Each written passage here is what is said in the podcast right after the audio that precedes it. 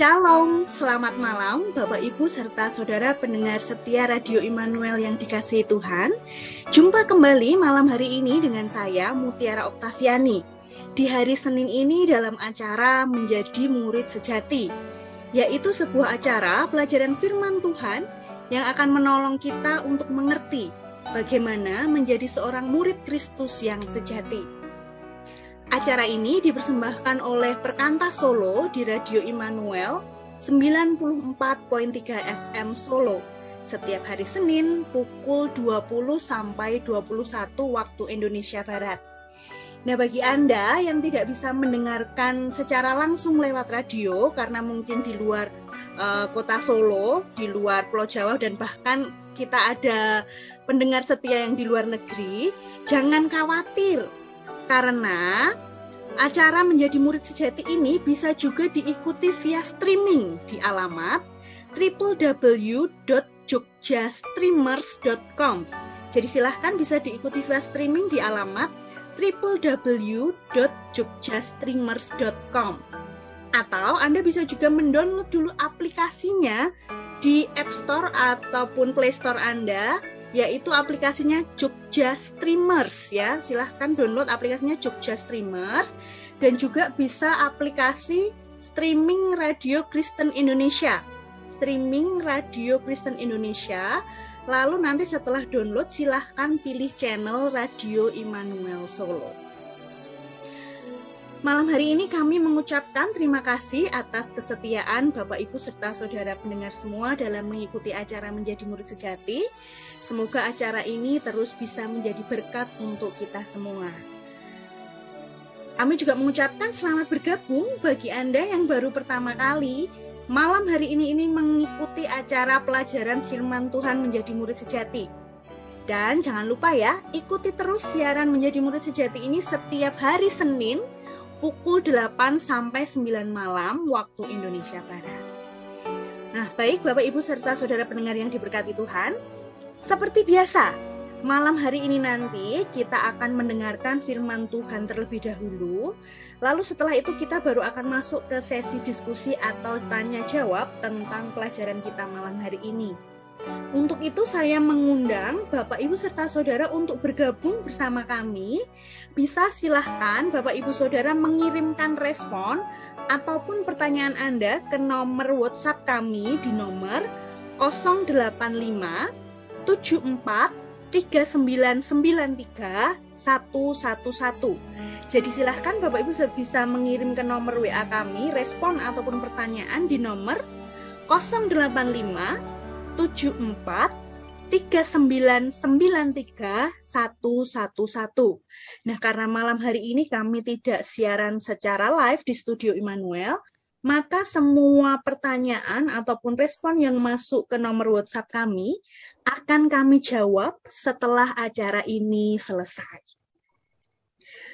Bapak, Ibu, serta saudara pendengar, pada malam hari ini, minggu ketiga bulan Oktober, kita akan belajar tentang bangkit dari keterpurukan. Kalau dua minggu kemarin kita sudah belajar mengenai kedukaan e, dikarenakan ditinggal orang yang terkasih, begitu ya. Nah, bulan Oktober ini kita memang sedang belajar e, kedukaan dan iman Kristen. Nah, malam hari ini, seperti yang kita tahu, karena pandemi yang sudah dua tahunan ini e, melanda dunia, begitu ya, ada banyak orang di bagian ekonomi ataupun finansialnya itu terdampak sekali. Nah, malam hari ini kita akan belajar mengenai bangkit dari keterpurukan. Sudah hadir bersama saya narasumber kita yang beliau ini dulu adalah seorang pengusaha di tahun beberapa tahun yang lalu termasuk yang di tahun 98 kerusuhan yang besar melanda Indonesia itu beliau terdampak begitu ya. Dan beberapa kali ternyata tidak hanya itu. Jadi sudah bangun jatuh bangun begitu ya di dunia usaha itu sudah beberapa kali jatuh bangun. Sekarang beliau adalah seorang konselor juga yang aktif di Gria Konseling Solo dan juga punya training center yang bernama Total yang eh, apa namanya ini dia training centernya ini bergeraknya di terkhusus di Christian Leaders Training begitu ya namanya total. Nah, beliau adalah Ibu Vivi Setiawan. Mari kita sapa dulu Ibu Vivi Setiawan. Selamat malam Ibu Vivi. Selamat malam Mutiara. Gimana kabarnya Tante? Baik.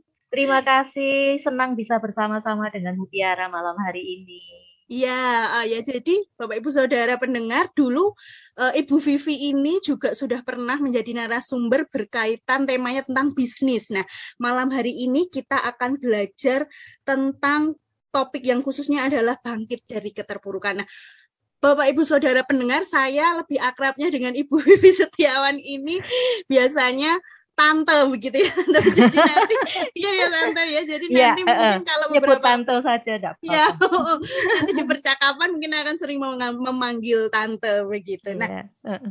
Bapak Ibu pendengar mari kita akan langsung saja untuk belajar.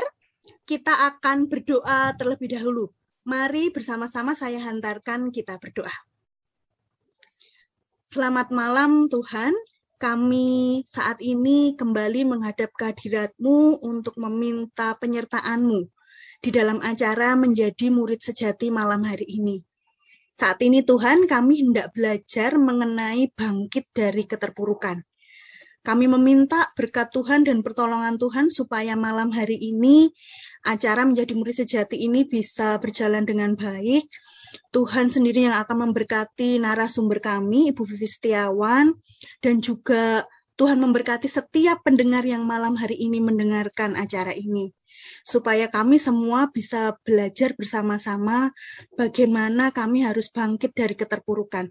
Bagaimana supaya kami juga bisa melihat bagaimana pertolongan Tuhan itu terus ada bersama kami di dalam setiap kondisi kami, Tuhan. Tuhan, kami menyerahkan untuk setiap uh, sinyal radio, sinyal uh, eh, HP yang kami gunakan Tuhan malam hari ini untuk mendengarkan siaran ini. Tuhan berkati supaya acara ini bisa kami terima dengan jelas di mana pun pendengar berada. Kami menyerahkan acara ini dari awal pertengahan hingga akhir ke dalam tangan Tuhan. Haleluya. Amin. Baik, Tante Vivi silahkan dilangsung aja dimulai. Tante uh, akan menemani kita belajar tentang bangkit dari keterpurukan. Baik, terima kasih Mutiara.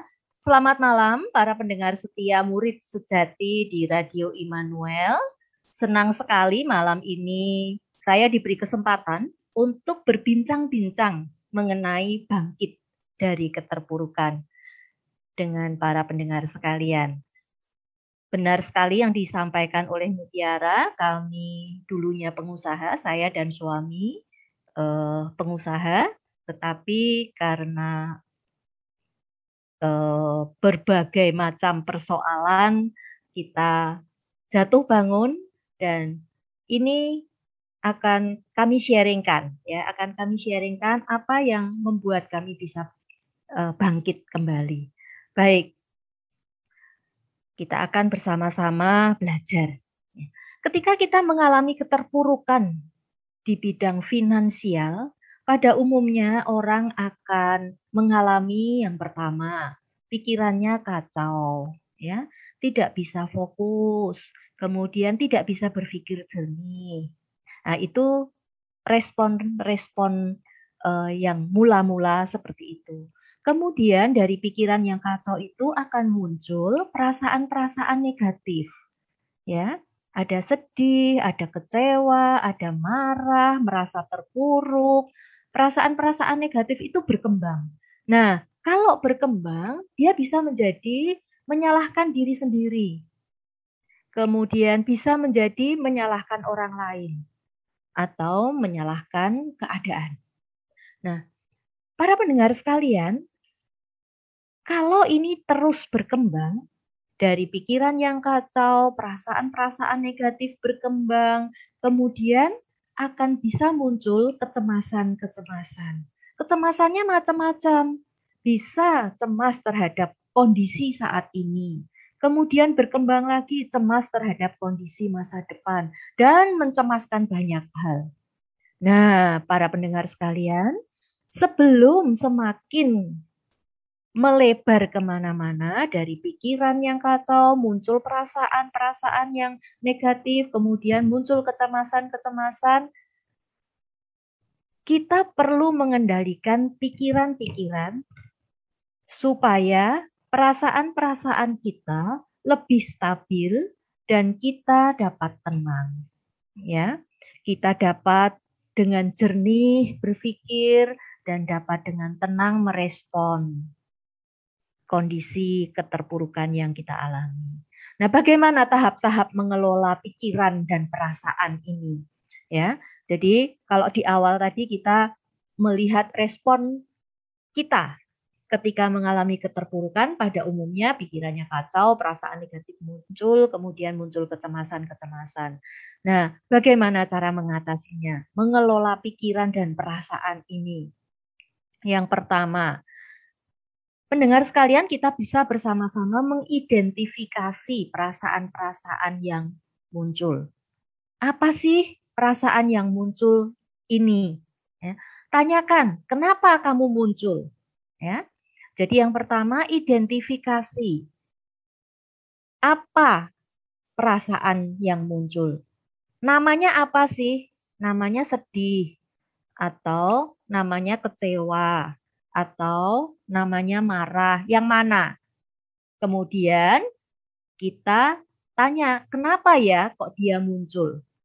Contoh ya, waktu kami mengalami musibah di Mei 98 itu musibah yang cukup besar ya yang benar-benar kami tidak pernah duga begitu. Saya mengidentifikasi perasaan yang muncul adalah ada beberapa ya. Tapi yang yang uh, yang saya sharingkan tidak semua karena ada lima atau enam, tapi ini saya sharingkan tiga saja. Yang pertama itu takut. Kenapa takut? Oh sorry, takutnya karena kalau mendengar suara keras uh, terhadap kalau saya mendengar suara yang keras, saya takut. Kenapa? Karena mengingatkan pada ledakan pom bensin dekat rumah kami tinggal. Jadi kalau ada suara blodak atau duer atau apa gitu yang pokoknya suara keras, saya takut. Kemudian takut juga terhadap kerumunan orang. Ya. Jadi ketika melihat ada orang berkumpul, berkerumun, saya takut. Kenapa? Karena saya merasa terancam. Nah, perasaan-perasaan ini diidentifikasi. Kemudian ditanyakan kenapa. Supaya kita jelas, saya sedang mengalami apa sih gitu. Perasaan lain yang muncul apa? Saya sedih. Kenapa saya sedih? Karena saya melihat orang tua saya dan anak-anak saya semua sedih. Jadi saya sedih karena melihat orang-orang di sekitar saya sedih. Dan yang uh, contoh yang terakhir yang akan saya berikan adalah perasaan hancur. Ya, hancur, terpuruk. Kenapa? Karena semua habis dalam hitungan jam. Dan kami masih harus menanggung hutang. Hutang yang tidak kami uh, sengaja ya. Jadi itu peristiwa kan sebenarnya musibah nasional. Tetapi terhadap supplier kami tetap dihitung berhutang. Begitu. Nah, itu benar-benar membuat kami bukan hanya sedih, bukan hanya bingung ya, tetapi benar-benar hancur. Nah, ini contoh bagaimana kita mengidentifikasi perasaan-perasaan yang muncul, yang kita alami dan tanyakan kenapa. Gitu. Kemudian setelah kita mengidentifikasi perasaan-perasaan, kita mulai mengidentifikasi pikiran-pikiran yang muncul itu apa. Melanjutkan contoh yang tadi. Setelah merasa perasaan-perasaan kita identifikasi, pikiran-pikiran yang muncul adalah dari mana kami bisa membayar hutang segitu besar. Sedangkan kami sama sekali sudah bukan kalau orang minus uh, apa tidak punya hutang itu nol ya, tapi kalau kita minus, minusnya banyak. sedangkan kita tidak punya tenaga untuk membereskan itu. Nah, pikiran-pikiran yang muncul, gimana ini? Dari mana saya bisa membayar hutang? Lalu bagaimana nasib anak-anak kami? Mereka masih kecil saat itu satu kelas uh, eh, 6 SD. Jadi dua minggu setelah huru hara dia harus menghadapi ujian kelas 6 SD. Yang kecil kelas 1 SD. Ya, masih kecil-kecil biaya makannya kami dapat dari mana? Sekolahnya gimana? Wah, itu jadi pikiran yang uh, berat buat kami, ya. Jadi pikiran-pikiran yang muncul saya saya identifikasi, dicatat. Kemudian apakah perasaan dan pikiran yang muncul tersebut masuk akal dan benar? Kadang-kadang ada yang tidak benar karena uh, terlalu dibesar-besarkan atau terlalu ketakutan atau sebenarnya tidak sesuai dengan kenyataan. Tetapi ada juga pikiran-pikiran yang terlalu mengecilkan. Tidak apa-apa, tidak apa-apa gitu ya. Kita harus benar-benar pada porsinya. Kita bukan menjadi terlalu menyederhanakan masalah atau membesar-besarkan masalah, tapi benar-benar kita harus berpikir dan merasa seperti yang terjadi. Yang real, yang nyata seperti apa. Ini perlu kita lakukan, ya. Kemudian berikutnya yang keempat, apa yang masih ada pada saya, yang masih saya miliki. Para pendengar sekalian, kalau kita terus-menerus uh, berpikir tentang uh, apa namanya kehilangan-kehilangan, kita akan terus bersedih, ya. Kita tidak mau bergerak. Tetapi kalau kita berpikir apa yang ada pada saya sekarang ini, yang masih tersisa itu apa? Kemudian saya melanjutkan uh, proses ketika saya terpuruk di Mei 98 itu mencari apa yang masih ada pada saya ya. Kalau kita sering kali mengatakan apa yang masih kita bisa syukuri gitu ya. Ini menjadi kekuatan buat kita. Nah, saya mendapati saya ini sehat loh secara fisik. Secara fisik saya kuat loh. Jadi sebenarnya saya masih bisa bekerja apa saja. Begitu. Apalagi yang masih ada pada saya. Keluarga saya masih utuh loh.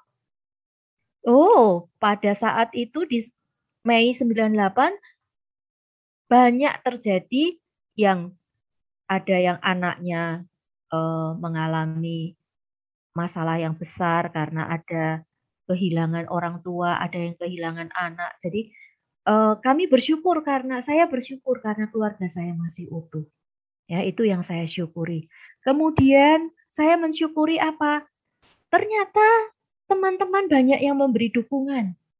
Baik secara emosi maupun secara finansial. Saya sangat terharu ya. Beberapa teman itu datang dan uh, kemudian bertanya, apa yang bisa kami lakukan untuk yang real, yang praktis ya. Kamu hari ini punya lauk enggak? Kamu hari ini punya beras enggak? Sampai sebegitunya. Jadi saya merasa uh, kekuatan dari dukungan emosi dan finansial dari teman-teman itu sangat menguatkan. Kemudian yang kelima, setelah identifikasi perasaan, identifikasi pikiran, kita melihat itu real atau tidak, kemudian kita melihat apa yang masih ada pada kita, kita perlu menceritakan perasaan dan pikiran kita kepada Tuhan. Ya, di awal-awal mungkin kita berdoa aja susah ya ketika itu terjadi, ketika keterpurukan itu terjadi. Tetapi mari kita bersama-sama tetap menceritakan itu kepada Tuhan.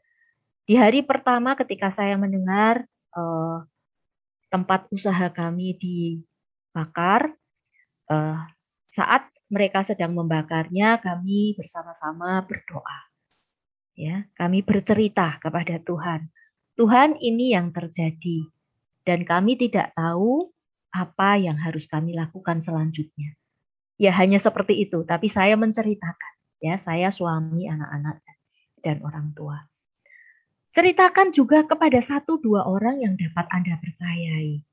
Para pendengar tidak perlu menceritakan kepada semua orang, ya. Satu dua orang yang memang dipercaya dan bisa mendukung, ya. Sehingga itu bisa melegakan.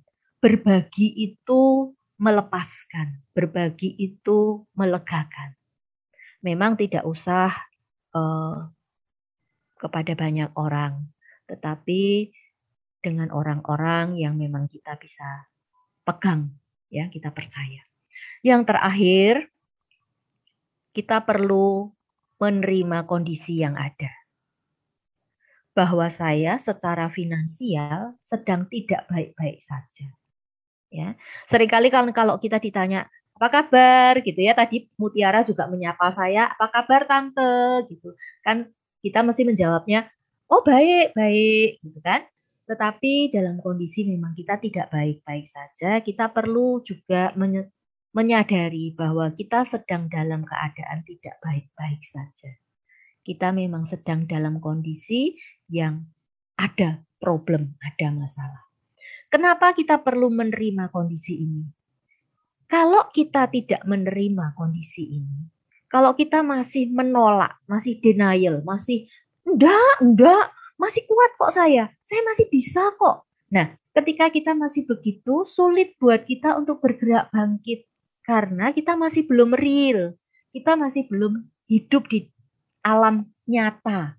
ya Karena kita masih terikat pada masa lalu, belum masuk pada kenyataan. Sehingga sulit buat kita untuk bangkit. Contohnya secara real begini ketika kita mas uh, mas apa terpuruk secara finansial, kita punya gaya hidup tertentu, misalnya kita biasa makan pagi, makan siang, makan malam dengan lauk beberapa macam, dua tiga macam. Ini yang saya alami ya. Biasanya kita makan pagi, minum susu pakai roti, pakai telur apa gitu ya, selai. Kemudian siang makan nasi, lauknya bisa dua tiga macam, malam juga begitu ketika kami terpuruk di hari itu, kami sudah membicarakannya dengan keluarga. Kemudian mulai besok kita makan yang penting ada nasi. Ya.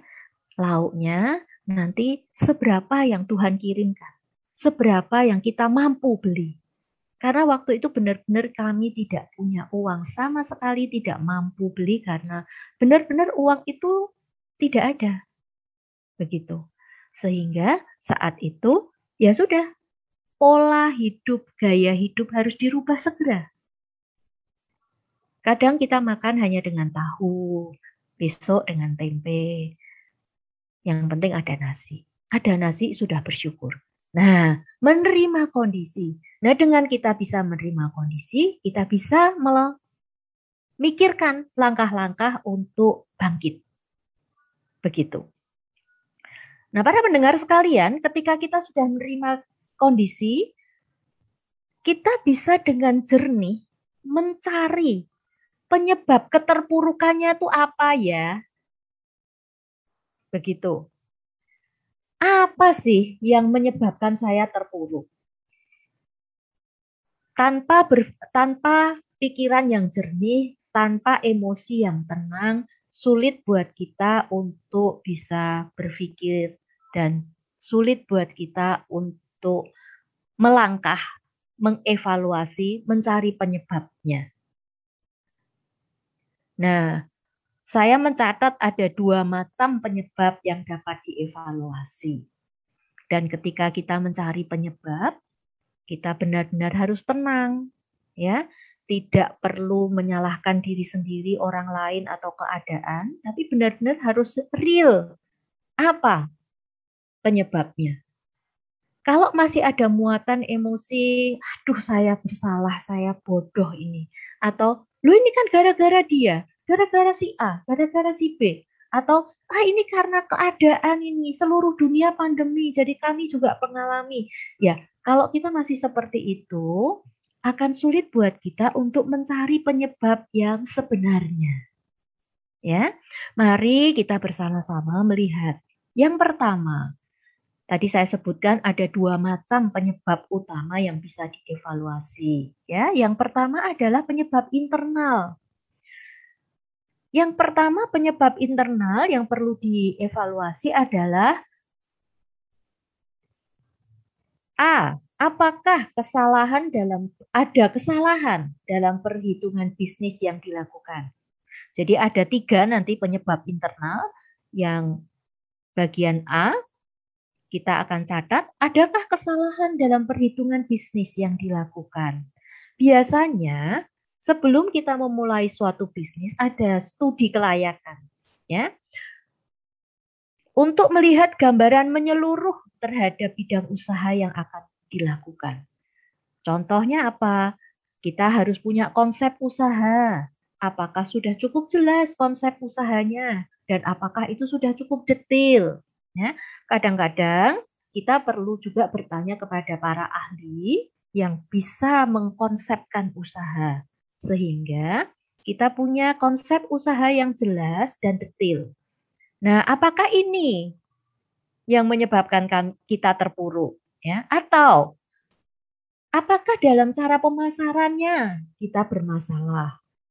Ini penyebab internal dari sisi kesalahan perhitungan bisnis ya. Yang ketiga, apakah ada kualifikasi SDM yang dibutuhkan yang tapi tidak kita uh, penuhi begitu. Kemudian kita perlu mengevaluasi apakah kita salah ya suppliernya. Kita mengambil barang di tempat yang salah. Contohnya, kalau kita mau untuk berusaha, suppliernya harus uh, yang lebih lebih dekat kepada pabrik begitu. Kalau kita semakin jauh dari pabrik sudah melewati beberapa tangan pasti harganya akan lebih mahal, gitu kan? Nah, itu perlu dievaluasi. Kemudian berapa dana yang dibutuhkan supaya usaha berjalan dengan lancar. Bagaimana pengelolaan perputaran uangnya? Mengelola usaha secara keseluruhannya seperti apa? Nah, apakah ada kesalahan-kesalahan dalam perhitungan bisnis? Ini menjadi uh, evaluasi pertama yang perlu kita lakukan. Yang kedua, apakah saya cukup kompeten dan memadai untuk menjalankan usaha ini? Kalau untuk orang-orang yang bekerja ikut orang, ikut perusahaan lain, eh, ikut perusahaan begitu, kadang-kadang eh, perlu berpikir seperti ini juga, ya. Kalau terkena PHK, apakah itu berkaitan dengan kompetensi saya? Apakah ada unsur saya tidak memenuhi kriteria begitu? Perlu kita evaluasi. Ya, saya perlu apakah saya perlu belajar untuk meningkatkan kompetensi saya? baik kita berusaha sendiri maupun ketika kita menjadi seorang karyawan, ketika kita terpuruk, baik di PHK atau usaha kita mengalami persoalan, kita perlu mengevaluasi di area ini. Apakah kompetensi saya perlu ditingkatkan? Apakah kompetensi saya perlu dipertajam atau dikembangkan? Apakah area ini aman? Artinya saya tidak ada masalah di area ini.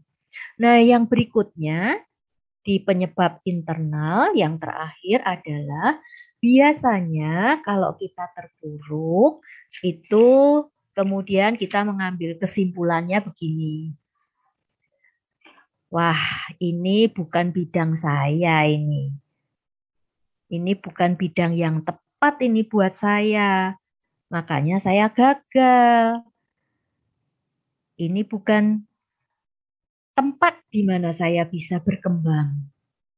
Nah, para pendengar jangan terlalu cepat ya. Jangan terlalu cepat untuk mengambil kesimpulan bahwa kalau kita terpuruk, kalau kita di PHK, ini bukan tempat yang tepat buat saya.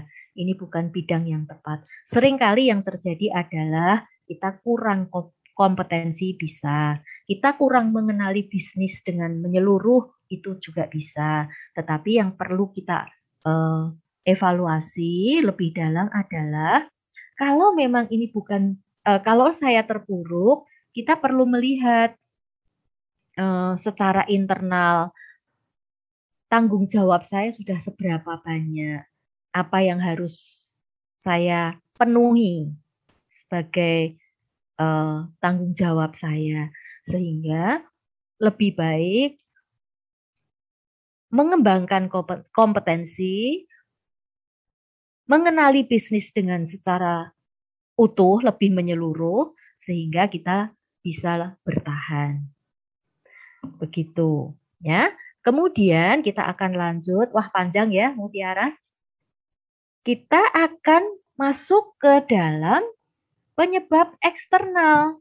Kalau tadi penyebab internal, sekarang kita masuk kepada penyebab eksternal, penyebab dari luar. Kalau tadi kita mengevaluasi diri, mengevaluasi pengenalan bisnis, kompetensi, tidak mudah menyerah begitu, e, tidak menyalahkan bahwa ini bukan bidang saya. Sekarang kita akan melihat penyebab eksternalnya yang dari luar apa, ya. Ada tiga yang akan saya soroti pada malam hari ini. Yang pertama, apakah kita terkena imbas karena ada pergeseran kebutuhan pasar? Bapak Ibu dan pendengar sekalian, kita perlu mengevaluasi di area ini. Kalau pasar atau konsumen berubah kebiasaannya, kita juga harus berubah cara menghasilkan produknya, cara memasarkan produknya, cara mengatur pekerjaan kita, kita juga harus berubah. Kalau kita masih melakukan hal yang sama, sementara konsumen kita, pasar kita berubah, apa yang terjadi? Nggak matching lagi, tidak memenuhi kebutuhan.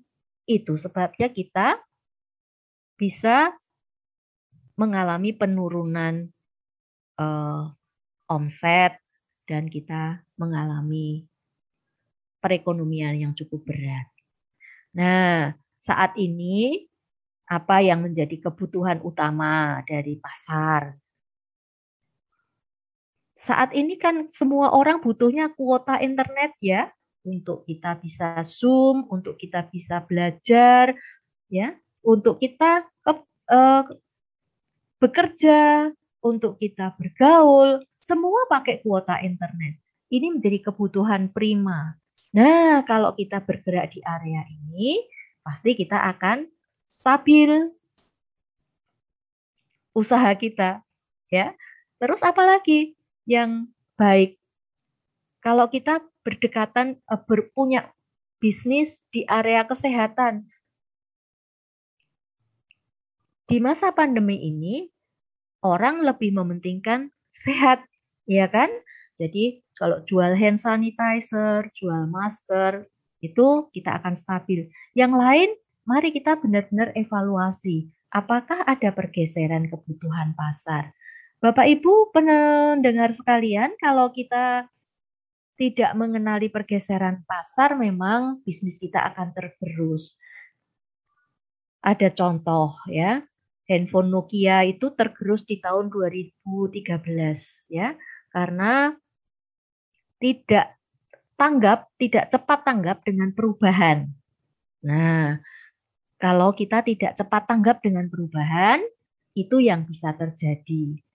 Dulu di zaman uh, saya masih SMP, SMA, kuliah, itu yang namanya kodak film untuk motret, laku keras. Tetapi semakin ke sini, semakin zaman berkembang, semua HP, semua handphone punya kamera, kita tidak membutuhkan uh, klise film ya. Seperti zaman dulu lagi. Kenapa? Karena kebutuhan pasar berubah. Nah, hal-hal seperti ini perlu kita waspadai, perlu kita evaluasi. Kemudian, penyebab eksternal yang kedua adalah apakah kita terkena imbas dari pergeseran cara belanja? Kalau tadi kebutuhannya, Ya, kalau tadi kebutuhannya bergeser, kalau yang kedua ini cara mendapatkan produknya bergeser. Pendengar sekalian, sekarang ini kalau kita sudah punya HP, itu uang kita juga di HP, nomor-nomor jajan kita juga di HP, ya kan? Cara belanja kita sudah berubah. Di rumah kita bisa belanja apa saja. Dari belanja makanan, belanja baju, belanja apa saja bisa elektronik. Nah, ini cara cara konsumen mendapatkan produk sudah berubah. Sehingga kita juga perlu menyesuaikan dengan perubahan-perubahan yang terjadi di area ini. Kemudian penyebab eksternal yang berikutnya, yang terakhir, apakah kita terkena imbas karena kejadian-kejadian khusus? Contohnya seperti pandemi, huru hara, bencana alam, ya. Yang mana kita perlu me mencari penyebab keterpurukan kita. Ketika pandemi, sektor pariwisata cukup terdampak, ya. Orang yang jual tiket pesawat, tiket kereta, kemudian voucher hotel, wah itu sangat terdampak. Kemudian event-event besar juga ditiadakan. Kebetulan anak saya yang uh, ragil itu bekerjanya sebagai penge apa namanya semacam IO untuk event-event yang cukup besar. Begitu Maret 2020 tanggal 17 kita semua diberitahu bahwa kita masuk Indonesia masuk pandemi, wah semua event dibatalkan. Dia tidak punya pekerjaan. Karena semua event yang seperti itu sampai hari ini belum diizinkan. Ya. Mal-mal tutup sehingga pengusaha dan karyawan semua sama-sama tidak dapat income seperti biasanya. Bukan hanya karyawannya, bosnya juga tidak mendapatkan income seperti biasanya. Kenapa? Karena memang areanya ditutup. Tempat usaha itu tidak bisa berjalan sebagaimana seharusnya. Ya. Nah, pendengar sekalian, itu cara kita mengevaluasi penyebab penyebab keterpurukan. Kita perlu melihat dari eksternalnya apa, dari internalnya apa, kita perlu catat benar-benar ya, yang mana. Dan setelah itu ditemukan, satu hal yang penting adalah ketika kita terpuruk secara finansial, kita tuh perlu gerak cepat untuk segera mengatasinya. Ya. Segera mengatasi. Kenapa? Karena setiap orang perlu memenuhi kebutuhan dasar. Kita punya kebutuhan dasar apa? Makan, minum, ya, mandi. Walaupun kita terpuruk secara finansial kan kita tetap makan toh, tetap perlu mandi kan? Nah, jadi kebutuhan dasar ini harus dipenuhi segera. Sedikit berbeda dengan duka cita karena kehilangan orang yang kita cintai. Ya, dua minggu lalu para pendengar sekalian belajar tentang kehilangan orang yang dicintai. Kalau kita uh, duka cita karena orang yang kita cintai, kita diberi ruang dan waktu buat memproses duka cita dengan baik, ya, supaya proses duka citanya selesai tetapi untuk terpuruk secara finansial, walaupun kita perlu memproses kesedihan, tetapi dibutuhkan langkah yang cepat dalam mengevaluasi perhitungan bisnisnya. Jadi evaluasi tadi yang internal eksternal perlu cepat dilakukan, memproses perasaan, pikiran dan menjadi real dan sampai akhirnya menerima kondisi juga perlu cepat dilakukan. Karena memang ada kebutuhan dasar yang harus dipenuhi. Nah, bagaimana caranya kita bangkit dari keterpurukan? Para pendengar sekalian, tentu yang pertama adalah kita bersandar dan berseru kepada Tuhan. Ya, kita minta kepada Tuhan hikmat, pertolongan.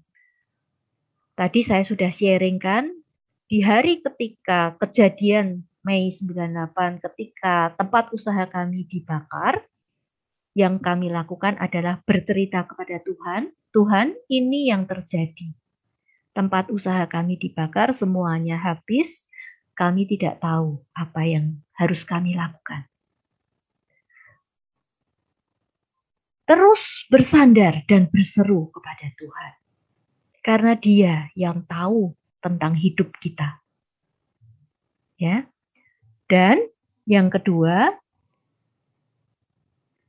miliki keterampilan memproses perasaan dan pikiran negatif yang muncul. Tadi sudah saya sharingkan bagaimana cara memprosesnya, pikiran dan perasaan negatif yang muncul, supaya kita punya pikiran dan perasaan yang real, ya, tidak negatif. Melihat apa yang masih bisa kita lakukan. Sedih, pasti sedih. Ada kemarahan, mungkin bisa iya. Tetapi kita bisa menempatkannya secara proporsional sehingga kita tidak terganggu dan kita tetap bisa ber, berkarya karena dibutuhkan gerak cepat tadi ya kita perlu segera memenuhi kebutuhan dasar sendiri dan keluarga.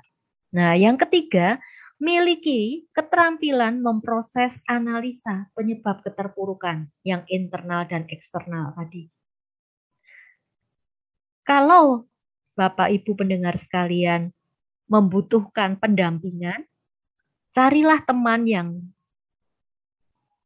ahli ya di bidang bisnis untuk mendampingi mencari penyebab keterpurukan di bidang eksternal, di bidang internal apa saja. Supaya semakin tajam menemukan uh, penyebabnya. Pastikan penyebab yang menjadi bisnis penyebab yang menjadikan bisnis Anda terpuruk. Pastikan yang mana. Ya, karena beda sebab pasti beda penanganan. Kayak orang kalau sakit ya, beda sakit, beda obatnya. Dengan diagnosa yang tepat, kita juga bisa menanganinya dengan tepat.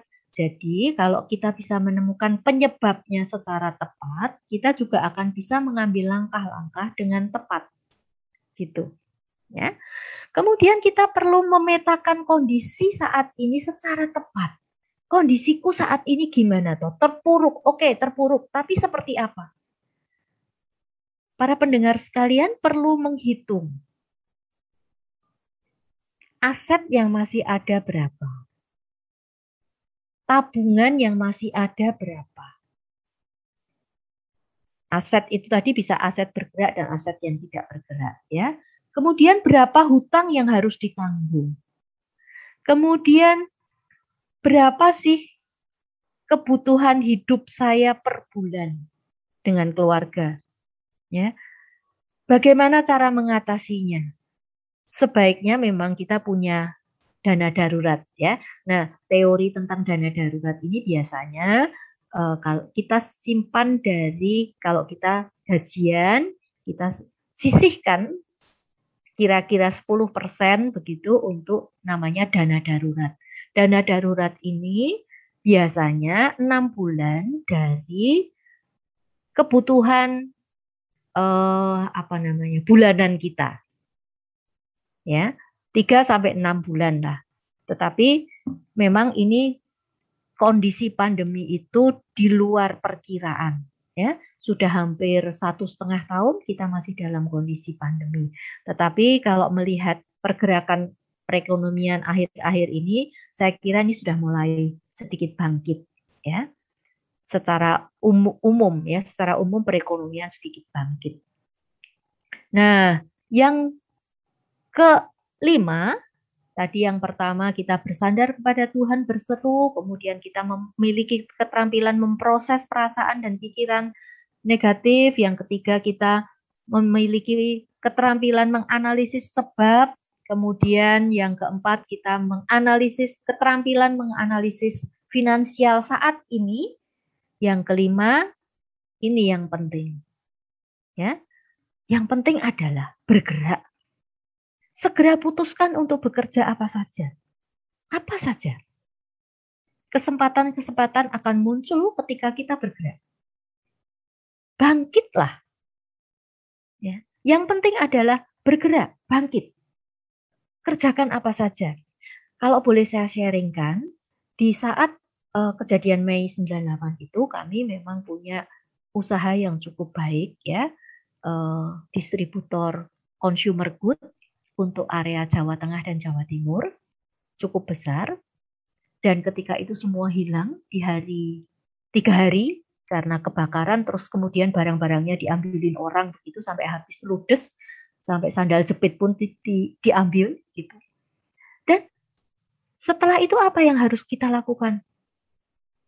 Untuk memenuhi kebutuhan dasar saya dan suami jualan sabun mandi dari rumah ke rumah. Itu cara kami memenuhi kebutuhan dasar. Saya pinjam dari teman yang punya barang ya, kemudian kami kalau pagi keliling. Benar-benar door to door. Karena kita tidak punya cara lain waktu itu. Nah, yang penting bangkit. Dari situ Tuhan bukakan, Tuhan bukakan, Tuhan bukakan. Bangkitlah. Saya senang dengan kata-kata bijak ini. Ketika kita tidak dapat melihat akhir dari sesuatu, terus langkahkan kaki, selangkah demi selangkah. Yang penting bergerak. Dengan bergerak akan muncul kesempatan-kesempatan baru. Pendengar sekalian, kita tidak bisa meminta orang lain untuk terus mendorong-mendorong kita memberi motivasi ya kita harus memotivasi diri kita sendiri. Ayo bergerak. Ayo segera bangkit. Nah sebagai penutup poin terakhir dari materi saya adalah perluas wawasan kesempatan kerja ya. Kita perlu membuka diri untuk terus belajar. Kesempatan kerja diperluas wawasannya macam-macam pekerjaan apa saja sih yang ada saat ini ya. Dan yang penting adalah kita harus memiliki daya juang yang tinggi. Jangan pernah menyerah, jangan putus asa. Kita harus punya daya juang yang tinggi. Kita harus punya adaptasi yang tinggi terhadap kondisi apa pun Ketika Tuhan berikan berkat, kita juga bisa beradaptasi. Ketika kita mengalami keterpurukan, kita juga cepat beradaptasi. Mengubah segala sesuatunya menjadi lebih sederhana. Ya, Kenapa? Karena ajaib ya, Tuhan itu memberikan kemampuan kepada manusia untuk adaptable. Nah, kita pakai itu. Itu sudah ada di dalam diri setiap kita.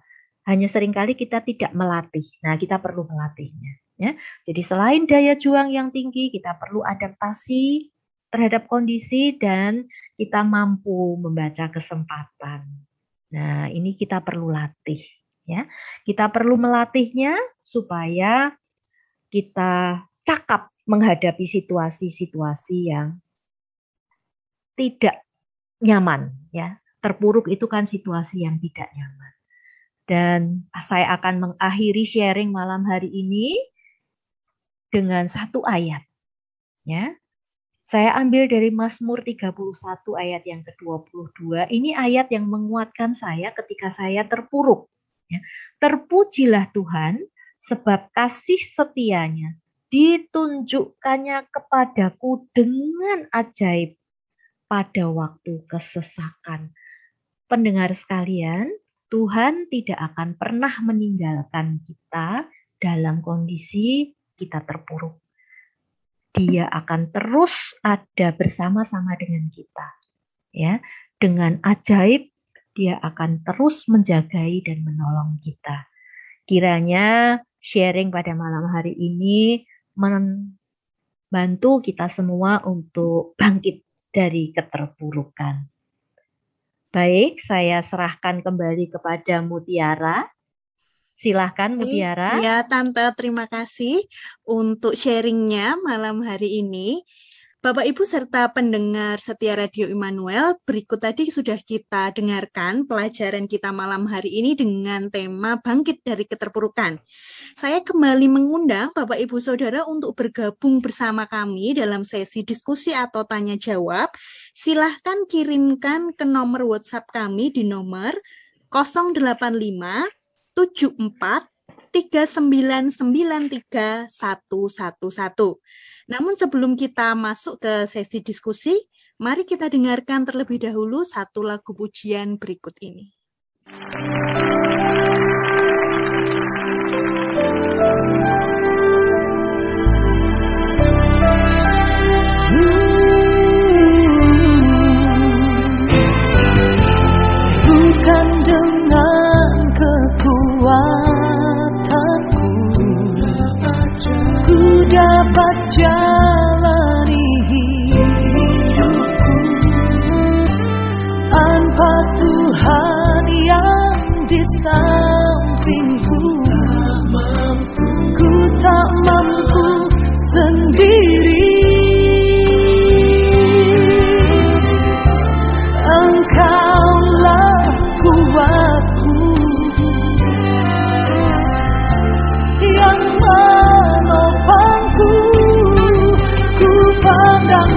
家。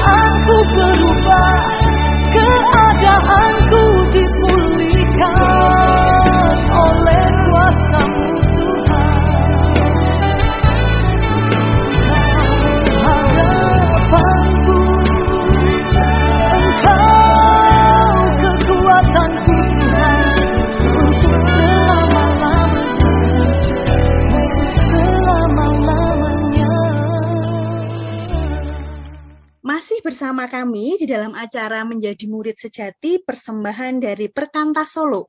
Bersama saya malam hari ini Mutiara dan juga narasumber kita yaitu Ibu Vivi Setiawan. Di dalam topik bangkit dari keterpurukan. Nah, kembali saya mengundang Bapak Ibu serta Saudara untuk bergabung bersama kami. Silahkan mengirimkan respon, boleh sharing, boleh respon apa pun atau juga pertanyaan ke nomor 085 74 3993 111. Untuk setiap pertanyaan atau respon yang masuk nanti akan kami tanggapi setelah acara ini selesai. Nah, Baik, Tante Vivi. Terima kasih tadi sudah menjabarkan dan sharing ya dari pengalamannya Tante sendiri begitu. Iya. Nah, sekarang ini ada pertanyaan begini Tante. Mm -mm. Gimana? Di masa pandemi ini ada hmm. banyak bantuan yang disediakan hmm. pemerintah hmm. seperti misalnya bantuan UMKM terdampak hmm. COVID. Lalu hmm. juga ada bantuan-bantuan lainnya berupa hmm. barang maupun uang tunai. Hmm. Nah, pertanyaannya begini tante. Bolehkah orang Kristen itu ikut mendaftar bantuan-bantuan itu? Yang pertama itu. Yeah. Lalu pertanyaan kedua, ini ada yang bingung begini. Tapi bagaimana kalau salah satu syaratnya itu harus ada keterangan surat tidak mampu. Padahal mm -hmm. saya merasa masih banyak yang lebih miskin dari saya. Nah, bagaimana tante ini kalau soal kasusnya begini?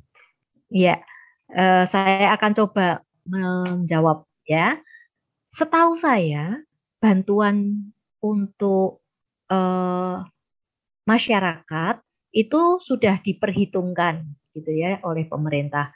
Bahkan e, beberapa negara itu memang semua semua dapat ya, semua dapat bukan masalah kamu kaya atau miskin. Memang negara yang cukup kuat ya. Negara-negara okay. yang cukup kuat itu memang memberikan bantuan itu semua, semua, semua dapat. Untuk semua masyarakatnya gitu ya. ya. semua rakyatnya itu dapat.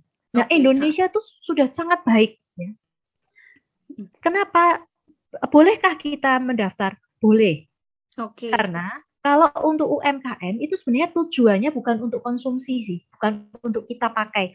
Beberapa hmm. orang memakai dengan cara yang salah. Jadi mendaftar, uh, kemudian dapat bantuan, kemudian dipakai untuk piknik, dipakai untuk foya-foya, iya. ya.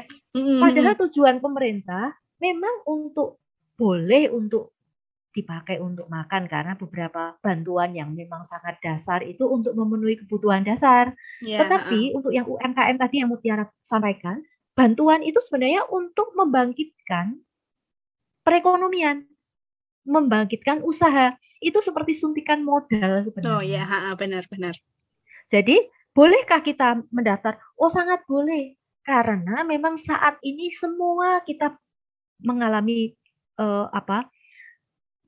Hal yang berat di hmm, sisi hmm, ekonomi. Terdampak begitu ya, ya, ya. Terdampak. Hmm. Sehingga kalau kita mendaftar boleh nggak? Boleh. Hanya kita perlu bijaksana memakainya.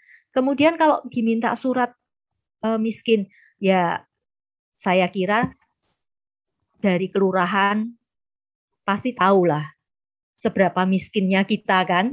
Iya, betul. pasti yeah. pasti mereka juga tahu kalau ditolak dari kelurahan ya berarti kita tidak terlalu memerlukan. Tetapi kalau dari kelurahan mengatakan boleh, berarti memang hitungannya itu memang kita dapat gitu. Oke. Okay. Jadi tidak apa-apa. Sepanjang cara kita memakainya saja.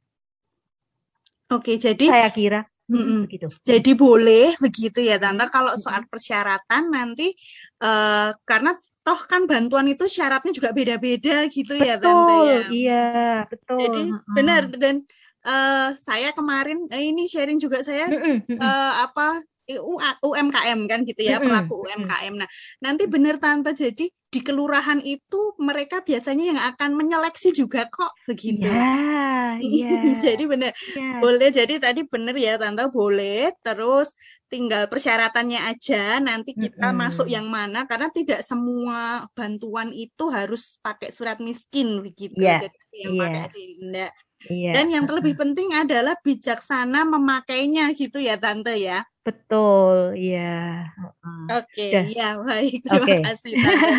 Ini ada pertanyaan lagi tante yang sudah masuk ya. Ini begini. Uh, uh, Jadi apa? contoh kasus juga ini tante. Oh oke. Okay. Jadi begini pertanyaannya.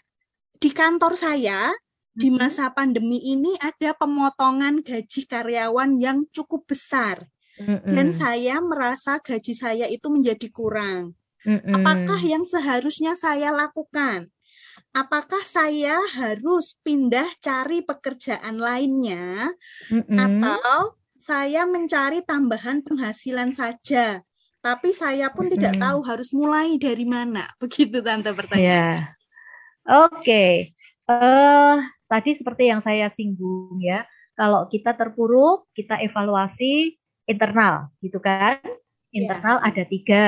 Jadi yang mana? Uh, antara bisnis, kompetensi, atau saya merasa ini bukan bidang saya, gitu.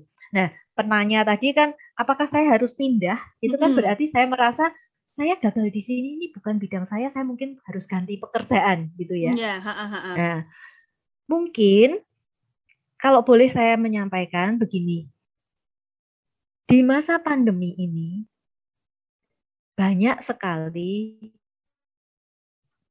karyawan yang hanya menerima 50% dari gaji. Bahkan yang di tingkat manajer atas, yang middle up, itu hanya menerima 25% gaji. Untuk menyelamatkan usaha secara keseluruhan. Sehingga kalau itu yang dialami oleh si penanya, kalau saya kurang bagaimana, apakah saya pindah? Kalau dalam masa pandemi seperti ini kita pindah kerja, saya kira kurang bijaksana. Oke. Okay. Kenapa? Anda keluar, perusahaannya senang. Senang karena apa? Karyawannya berkurang satu. Berkurang bebannya gitu ya. Berkurang bebannya. buat gaji orang ya. Ya, tetapi Anda mau cari ke mana lagi? Jauh lebih susah sehingga okay. bertahan saja. Kemudian cari tambahan. Nah, cari tambahannya ini yang tadi dia nggak tahu harus mulai hmm, dari harus mana, gimana. ya. Nah, kalau mau mulai dari mana, saya kembalikan lagi seperti yang saya alami tadi, yang ada pada kita apa? Saya punya teman bergerak di bidang apa? Saya bisa bekerja dari situ. Temanku punya barang apa? Temanku bekerja di bidang apa. Contoh kalau teman saya misalnya punya restoran gitu ya, mm. kayak Mutiara bisa masak, wah ini kita masak, mm ya kemudian dijual lewat online, mm tawar-tawarkan. Mulailah dari apa yang paling mungkin bagimu. Ya karena itu sangat sangat personal, okay. ya jadi Saya kira harus dilihat ya dari yeah. yang paling dekat dengan dia sendiri yeah, begitu ya karena betul. tiap orang beda-beda ya tante betul. ya. Betul, Karena yang dekat buat saya, yang mudah buat saya, mungkin itu sulit buat orang lain. Oke, okay, iya. Ya, uh, jadi carilah yang termung yang paling mungkin dan yang paling dekat denganmu. Dan jangan menunggu terlalu lama. Kalau memang itu kebutuhan gaji segitu kurang, ya ayo cepat bergerak. Gitu. Mudah-mudahan okay. menjawab ya. Ya, semoga menjawab karena ini saya kira juga dialami banyak pegawai kantoran ya tante ya. Betul. ya. Jadi apa pemotongan gaji ini jadi ya mungkin banyak yang merasa relate juga begitu Betul, ya. Apa iya. yang harus dilakukan kalau merasa kurang begitu? Kalau bisa ya merasa kurang itu semua kita merasa kurang yeah. karena memang kondisinya, kondisinya. tidak memungkinkan mm -hmm. ya jadi tadi saya juga sudah singgung perlu berubah segera gaya hidupnya yang berubah ya oke okay. okay. ya. oke okay, terima kasih ya tante jadi kalau masa seperti ini mungkin memang kurang tepat kalau harus resign terus cari pekerjaan itu malah lebih sulit begitu ya tante ya dengan kondisi oh iya iya iya dan karena mungkin bahkan banyak yang di PHK juga jadi itu oh, dia. oh, gimana mau cari? Gitu ya. Iya iya anak saya di PHK bukan bukan di PHK tetapi memang tidak ada pekerjaan kemudian tidak digaji kan sama saja toh. Iya rasanya sama aja nggak ada pemasukan malahan ya sama tante. sekali iya. Ini masih mending ada masih walaupun mending, berkurang iya gitu. betul. Ini masih mending ada. Jadi kerjakan apa yang bisa dikerjakan. Begitu. Okay. Oke, ya, baik Tante, terima ya, kasih. Ya, Tante kasih. ini topiknya sebenarnya menarik sekali begitu ya. Ada banyak hal yang mungkin bisa kita bahas, tetapi uh -uh. waktu juga yang akan memisahkan kita begitu ya. Nah, yeah. kembali saya uh, mengajak Bapak Ibu Saudara jika masih ada pertanyaan begitu ya atau respon atau mau sharing juga silahkan bisa kirim ke nomor WhatsApp kami di nomor 085 74 3993111. Silahkan kirimkan pertanyaan berkaitan dengan topik kita yaitu bangkit dari keterpurukan. Nanti setiap pertanyaan yang masuk akan direspon oleh Ibu Vivi setelah acara ini berakhir. Jadi silahkan kesempatan ini beliau adalah pengusaha juga yang sudah beberapa kali jatuh bangun jadi punya pengalaman yang mumpuni pastinya plus beliau adalah konselor. Jadi silakan nanti kalau mau ada sesi agak konseling gitu ya tante. Bisa malah lanjut ya. malah lanjut ya bisa nanti bisa hubungi beliau nah ya. tante karena waktu yang akan memisahkan kita juga mm-hmm. saya meminta tante untuk memberikan kesimpulan garis besar pelajaran apa kita malam hari ini lalu nanti silahkan uh, tante menutup dalam doa begitu ya tante ya oke okay. okay, terima tante. kasih ya terima kasih kasih Mutiara untuk kesempatannya. Para pendengar sekalian, sebagai uh, kesimpulan, mari kita bersama-sama ya. Kalau kita mengalami keterpurukan, kita belajar untuk memetakan masalah dengan jernih. Kemudian setelah jernih, mari kita bergerak, segera. Segera bergerak. Jangan putus asa, jangan merasa uh, apa namanya tertinggal begitu ya. Tetap punya daya juang yang tinggi, miliki adapta adaptasi yang tinggi, kemudian mari kita bersama-sama bergantung kepada Tuhan karena dari dialah kekuatan kita untuk menghadapi masa-masa sulit ini. Mari kita bersama-sama menutup di dalam doa. Ya. Allah yang kami kenal di dalam nama Tuhan Yesus, Allah yang sudah menyelamatkan nyawa kami, hidup kami. Kami mempercayakan kehidupan kami ini ke dalam tangan Tuhan. Ketika kami mengalami keterpurukan sekalipun, kami percaya Engkau ada bersama-sama dengan kami. Kami memohon kepada Engkau untuk memberikan hikmat kepada kami, kemampuan untuk berpikir dengan jernih, mengatasi perasaan-perasaan kami, dan menghitung dengan benar supaya kami kembali bangkit Tuntun kami Tuhan untuk melihat kesempatan-kesempatan yang ada. Berikan kepada kami kemampuan untuk terus berjuang dan kiranya Tuhan terus menopang kami sehingga kami dimampukan untuk melewati masa-masa yang sulit ini. Terima kasih untuk kesempatan kami bersama-sama belajar melihat kasih setia Tuhan, melihat kemurahan Tuhan supaya kami terus melihat pengharapan. Terima kasih ya Tuhan, di dalam nama Tuhan Yesus kami berdoa dan mengucap syukur. Amin. Amin. Terima kasih Tante Vivi yang sudah menemani kita belajar malam hari ini. Nah, Bapak Ibu pendengar, demikian tadi acara menjadi murid sejati malam hari ini dengan topik bangkit dari keterpurukan. Kita akan jumpa lagi minggu depan dengan tema berdamai dengan sakit penyakit yaitu tema terakhir dari bulan Oktober ini tentang iman Kristen dan kedukaan.